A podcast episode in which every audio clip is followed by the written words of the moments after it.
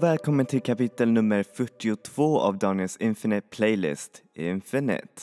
Jag sa rätt där igen. Hehe. Nej men, jag skojar bara. Hur som helst så, ehm, jag är fan så himla glad över att våren kommer och eh, jag känner det på mig att det är lättare att vakna nu på morgnarna. Nu när man inte vaknar och det blir natt utan man vaknar och så är det sol och det är så härligt. Man får ju en massa vårkänslor liksom. Speciellt när man ser alla de här djurparen i, i skogen liksom. Två ekorrar, två älgar, två rävar, två av allt, vilket är jättegulligt. Jag känner mig nästan som om jag vore i en Disney-film. Men hur som helst så ska vi inte snacka om vädret eller naturen eller Disneyfilmer i den, detta program utan vi ska snacka om det programmet som vi alla, absolut alla älskar att hata eller hata att älska. Och då snackar jag såklart om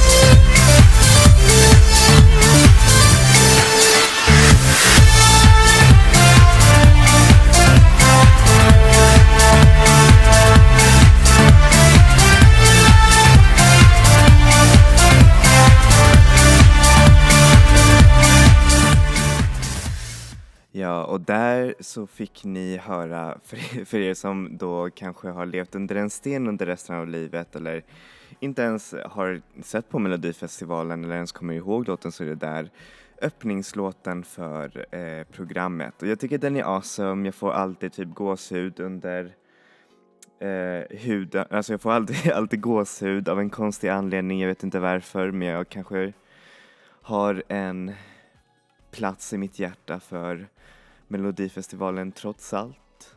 Eller?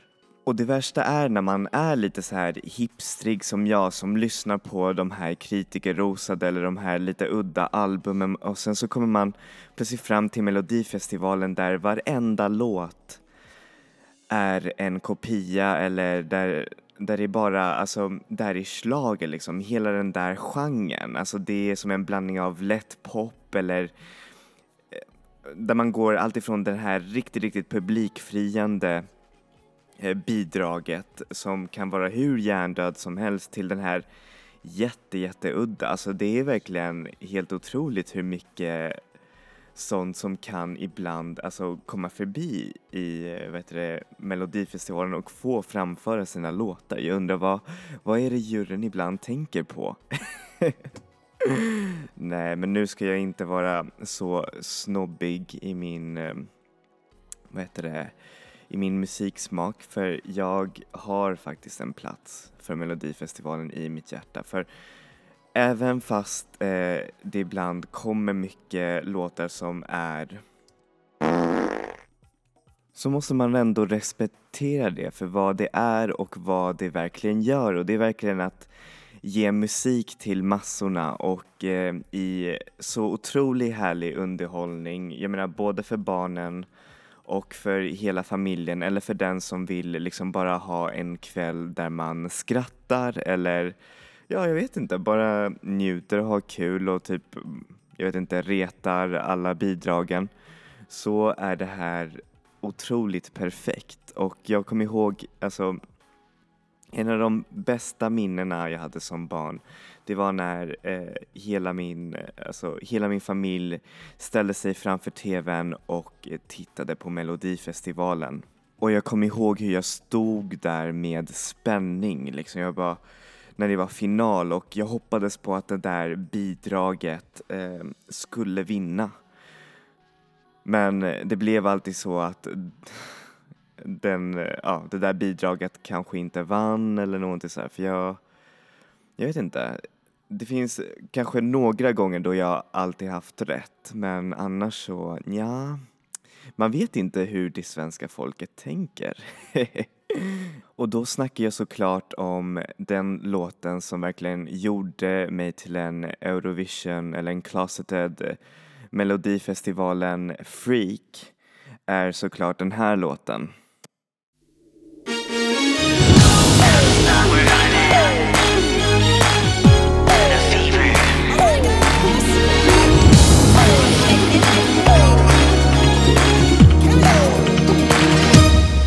Surrounded by sharp looking eyes, dancing in a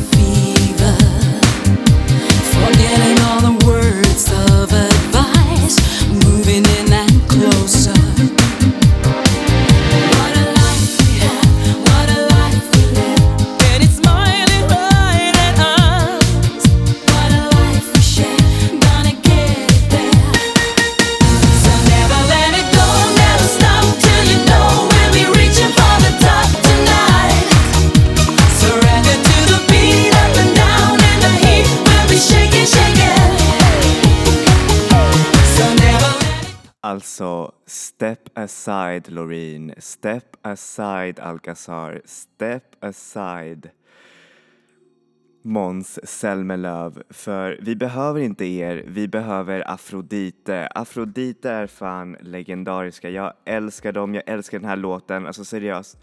Om alla lyssnade mer på Afrodite så skulle alla världens problem vara noll. Seriöst. Ge Trump den här låten och så kommer han sluta vara en sån himla stor rövhål. Nej men jag skojar men hur som helst så älskar jag den här låten och det var den som verkligen öppnade mina ögon. Mina små, alltså ja, mina små barnögon och verkligen blev den här eh, Frälsta Melodifestivalen fan som, ja, jag döljer lite just, just nu. Nej, nej men jag skojar. Men det roliga är att tävlingen har inte alltid sett ut som den ser ut just nu. För jag fick eh, nämligen uppleva en ganska modern version av Melodifestivalen. Till exempel fram till år 2001 så framfördes alla bidrag, eller det var liksom, man var ju tvungen att framföra alla bidragen Eh, alltså på, alltså i, alltså på svenska. Förutom att man kunde till exempel ha med ett enstaka engelskt ord men annars in, inte mer. Och det, självklart finns det ju undantag, till exempel Abbas Waterloo som de översatte, Nej, jag vet inte om de översatte den till engelska eller om det fanns en svensk version i början. Och sedan så hade vi inte heller den här riktigt stora liksom, deltävlingsformaten. Till exempel så hade vi liksom bara en enda finalkväll. Jag tror det där var typ till eh, 90-talet eller någonting sådär, vilket var, jag vet inte. Jag, jag tycker det är lite tråkigt, men jag förstår annars varför man har det, för det är ju så dyrt att, eh, att ha en sån här tävling. Och faktum är att eh, det tog ganska lång tid för eh, vet du, de här, den här nuvarande regeringen att framställa en slags eh, vad är det, budget eller nej, vad var det, kostnadsredovisning av hur mycket det kostar att eh, göra en Melodifestivalen-tävling. Och det är det som är lite sorgligt egentligen. Alltså varför ska man egentligen tänka på kostnader och sådär? Jag menar, det är ju program för alla liksom. Jag menar, det. Alltså jag känner typ så här att man kan inte kompromissa entertainment och det här har verkligen gjort så att folk liksom enats framför te- eh, tv-rutan och liksom bara haft det mysigt. Och så har det kommit en massa skandaler eh, apropå mm, juryn, alltså vi har ju nu internationella juryn och det mm, som har en otroligt stor vikt i röstningen och jag undrar varför man ens har en internationell jury. Litar man inte på det svenska folkets omdöme? Litar man inte på min röst? Eller vad, vad är det här? Och sen så, ja, man säger ju att man också haft problem att få ihop det till tävlingar, alltså budget och allt det där, vilket är ju lite sorgligt. Men jag hoppas att det klarar sig. Många säger, alltså många spokespersons av Melodifestivalen säger att det här är egentligen så här, de bästa åren som vi har någonsin haft och det är ju trots allt den mest eh, sedda tv-programmet eh, av Sveriges Television genom tiderna. Så jag kan tänka mig att det måste vara svårt att uppehålla en slags eh, ratingsbaserad, alltså hög rating liksom. Och sedan så har folk klagat alltid på programledarna, de är alltid arga över att folk säger fuck eller någon sjunger om fuck och eh, det används mycket svordomar hit och dit. Men alltså jag tror, alltså om jag får lägga in min röst i den här debatten så tror jag att det är mest, eh, hur säger man, jag tror att det flyger förbi barnen. Alltså jag tror inte att alla liksom går och frågar oj vad betyder det? För jag, alltså jag visste redan när jag var liten att jag inte fick säga fuck och då Även fast jag såg det liksom i amerikanska filmer och sånt där så gick jag inte runt och sa det bara för det. Så jag tror det har ingenting med grejen att göra liksom. Så alla kan ta det lite lugnt känner jag. och så har det ju trots allt banat väg för en massa, massa artister. Dock så är de, ja, massa slagerartister dock, inte så mycket cred i de där. Eller i och för sig, Loreen kan nog den, sägas vara den enda som har riktig cred liksom för att ha varit med i Melodifestivalen för hennes låt Euphoria fortfarande ekar starkt och jag älskar den. Jag spelar den till och med i mina DJ-gigs för att den är så bra.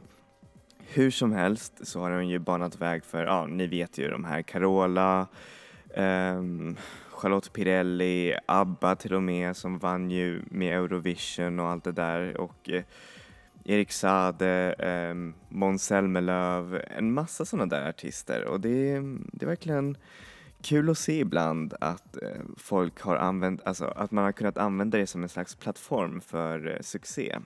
Och sedan vad är egentligen slager? Alltså det det är väl pop i dess renaste form skulle jag säga. Trallvänligt, eh, får inte vara mer, eh, alltså längre än tre minuter.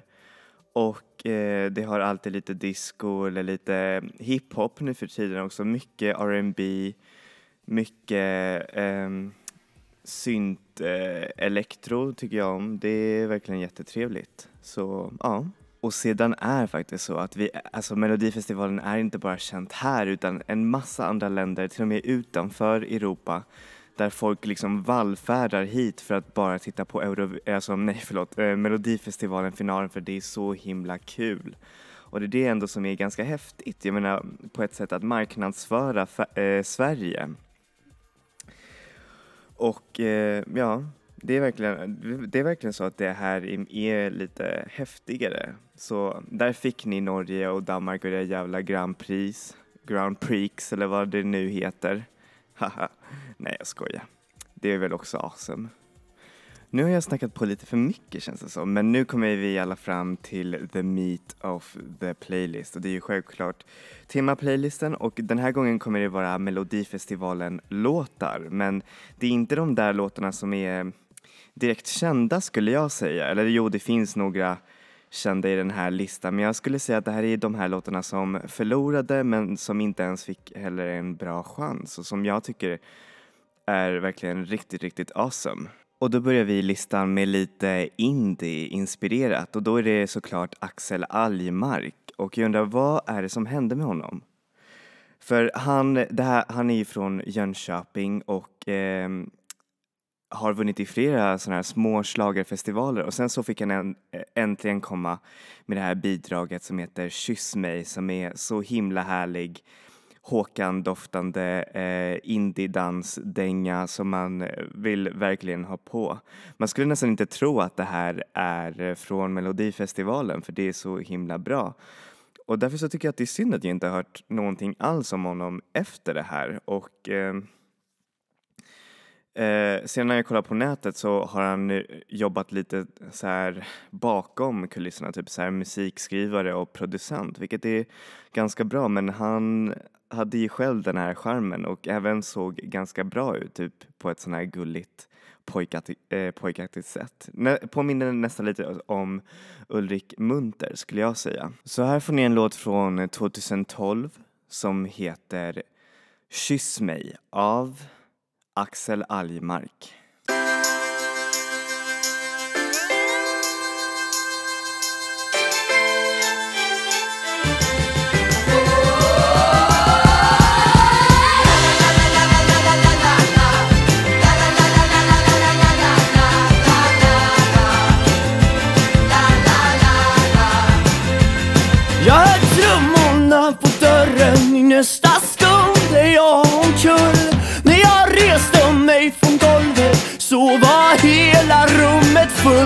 Düşme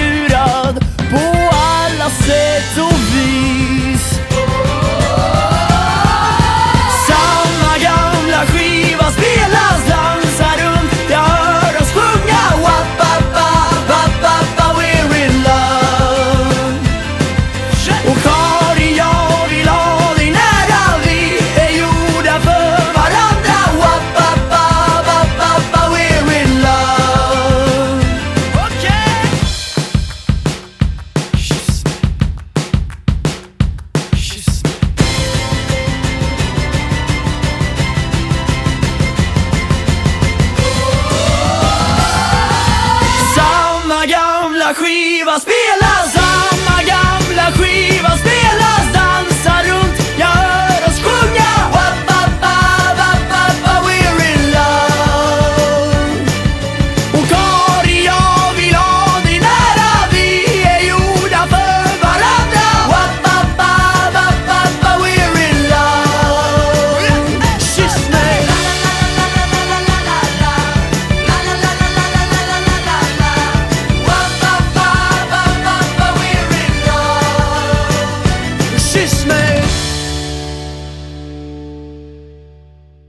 där var superhärligt. Och nästa låt är faktiskt en av de där låtarna som jag minns från när jag var, eh, ja det här var ju 2009. Jag älskade den, det bidraget men det kom inte längre än andra chansen. Jag tror det var 2009 och då snackar jag såklart om Amy Diamonds låt It's My Life. Och eh, jag vet inte varför jag tycker om den, tyckte om så mycket den här låten. Var det kanske för att de här svulstiga eh, eurosynt-produktionen från signerad eh, Alexander Bard eh, var, jag vet inte, det gjorde någonting med mig och jag tyckte det var verkligen så häftigt också, hela scenen där hon gick med sin regnbågsfärgade vad var det? det var någon sån här glittrig eh, hjärtformad klänning eller vad, vad var det? Ja, jag kommer inte ihåg men jag kommer ihåg att det var superhäftigt och det gjorde verkligen ett stort intryck på mig. Och eh, jag undrar vad, vad är det som hände med eh, Amy Diamond egentligen?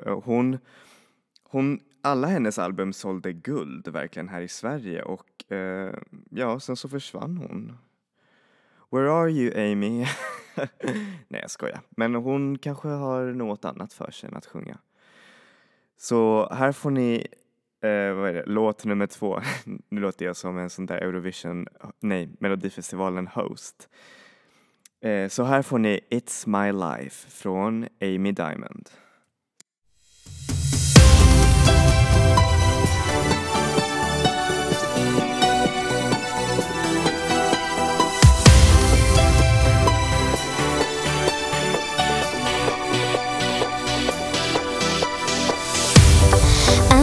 Girl I used to be.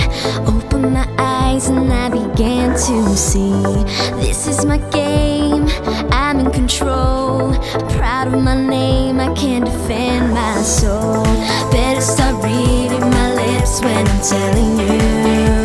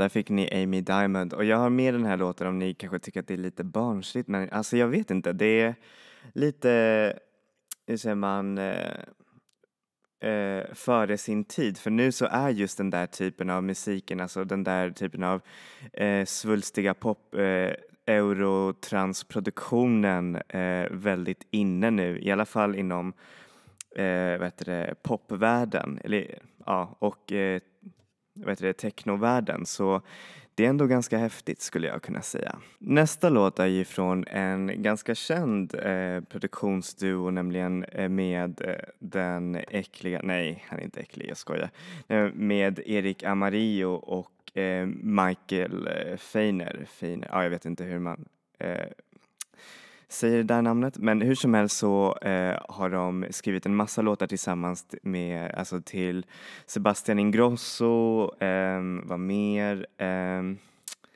Axwell, eh, Nevada, ja lite, lite olika. Och eh, där ser man verkligen hur den här låten egentligen skulle ha kommit längre. Men det gjorde den inte som synd är det. För jag tycker faktiskt om technodansproduktion eh, här. Den är väldigt futuristisk och väldigt eh, härlig att lyssna på och eh, därför så tycker jag att den borde faktiskt ha kommit lite längre men hur som helst så ja, gjorde den inte det och det är synd. Men här får den en liten uppståndelse i alla fall. Så här får ni The Arrival av The Eric featuring Therese. Don't you believe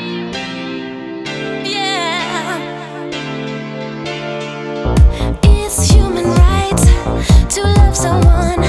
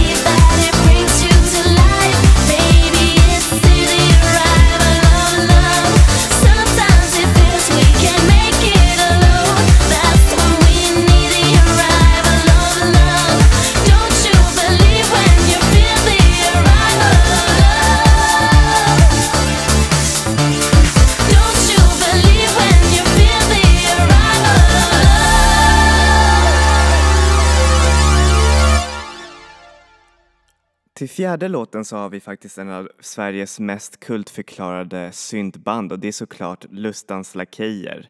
För utan Lustans Lakejer eller Ratata för den delen så skulle Sverige nog inte ha fått sin syntrenässans för de var ju en av de som satte verkligen den här sortens musik på scenen. Därför så var det ganska intressant och väldigt, väldigt häftigt när de kom fram till Melodifestivalen och gjorde ett bidrag. Jag tyckte det var jättekul. Det var nästan som när JJ Johansson gjorde ett bidrag även fast den inte var så bra. och sedan så älskar jag Johan Kindes eh, mörka röst. Jag vet inte varför men han låter också lite creepy när han säger stjäla unga flickors hjärtan eller vad det säger. Men det är ju det som är Lustans Lakejer vilket jag älskar. Så här får ni allt vi en gång trodde på av Lustans Lakejer.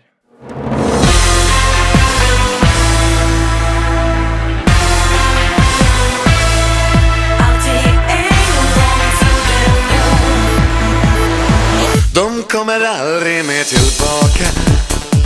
De kommer aldrig mer igen. Alla dagar vi förslösat de kommer aldrig men jag minns dem. än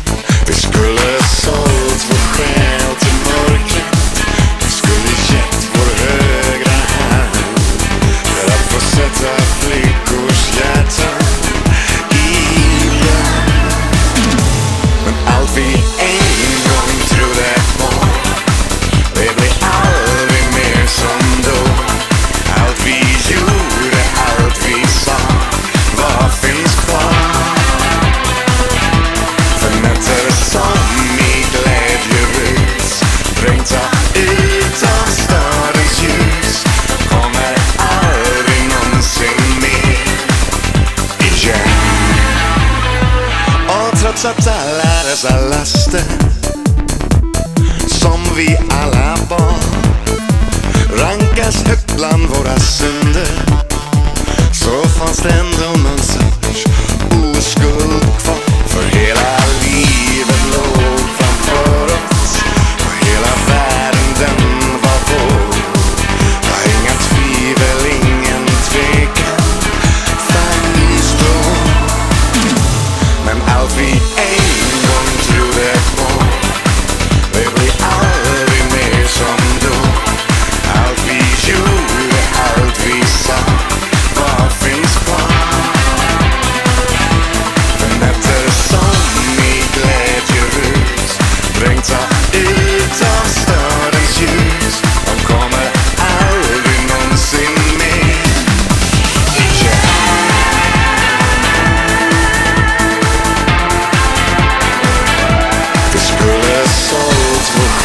Själ till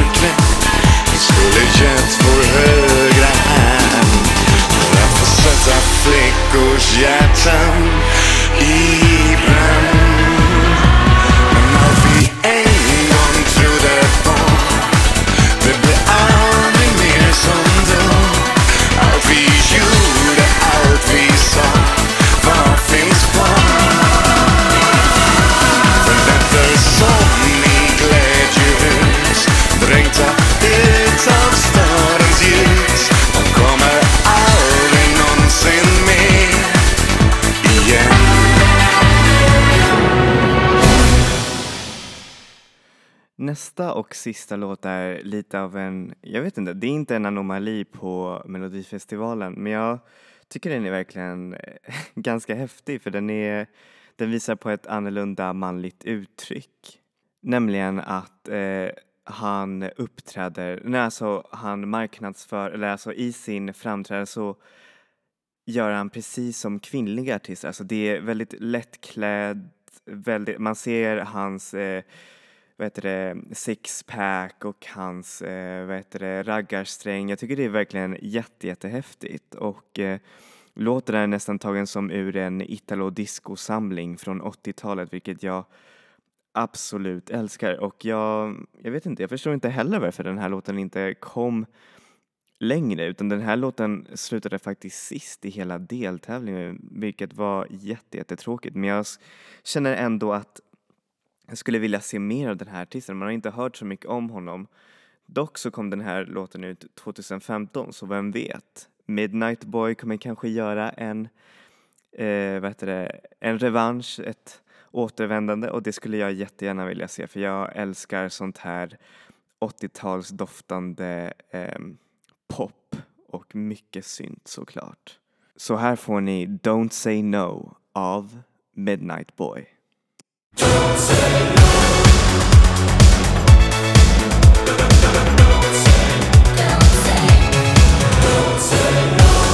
glimpse of the future, I'll give you a peek. Just come over the edge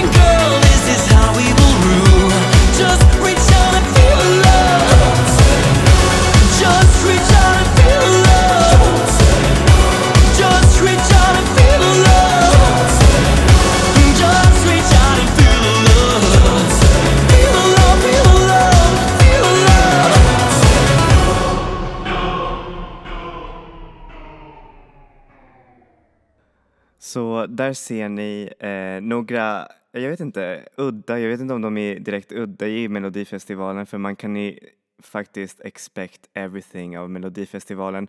Och även fast jag tycker om att säga att eh, vissa låtar är skit, för det är de, kom igen nu, alltså seriöst. Jag vill inte ha det här mer. Nej jag skojar. Nej men så tycker jag att det är ändå en ett härligt, eh, liksom, en härlig programidé liksom, som jag tror att flera länder skulle verkligen kunna också göra. Och det är för att, jag vet inte, det är för ehm, folket tillsammans och det, jag vet inte, det är ett stort event av det hela. Klubbar kör schlagerkvällar och det är liksom så här, mm, det är faktiskt bra liksom. Och det, jag vet inte, jag har aldrig upplevt så mycket, vad heter det, sämja inom dansgolvet som när jag har spelat typ Lena Philipssons Det gör ont eller Loreens Euphoria. För det är verkligen, jag vet inte, det är, det är alltid något extra skulle jag kunna säga. Och det är det som jag är ändå ganska tacksam för i Melodifestivalen. Och ehm, jag vet inte, jag tror jag måste applådera det också för jag, jag vet inte, det har verkligen gjort mitt musikliv eh, lite, lite bättre och lite sämre på samma gång. Hur som helst, tack så hemskt mycket och hoppas att ni har fått lite, lite smak på lite annorlunda artister som verkligen inte riktigt kom till finalen. Och eh, ja, så fick ni lära er lite om Melodifestivalen, lite sån där trivia som man måste säkert kunna på en sån där barquiz eller vad det nu det är. Så ja, hoppas att ni får en underbar vecka fylld med musik och en massa härligheter och så ses vi nästa vecka med ny, ny musik och en ny playlist. Enjoy music, enjoy life people. Hej då!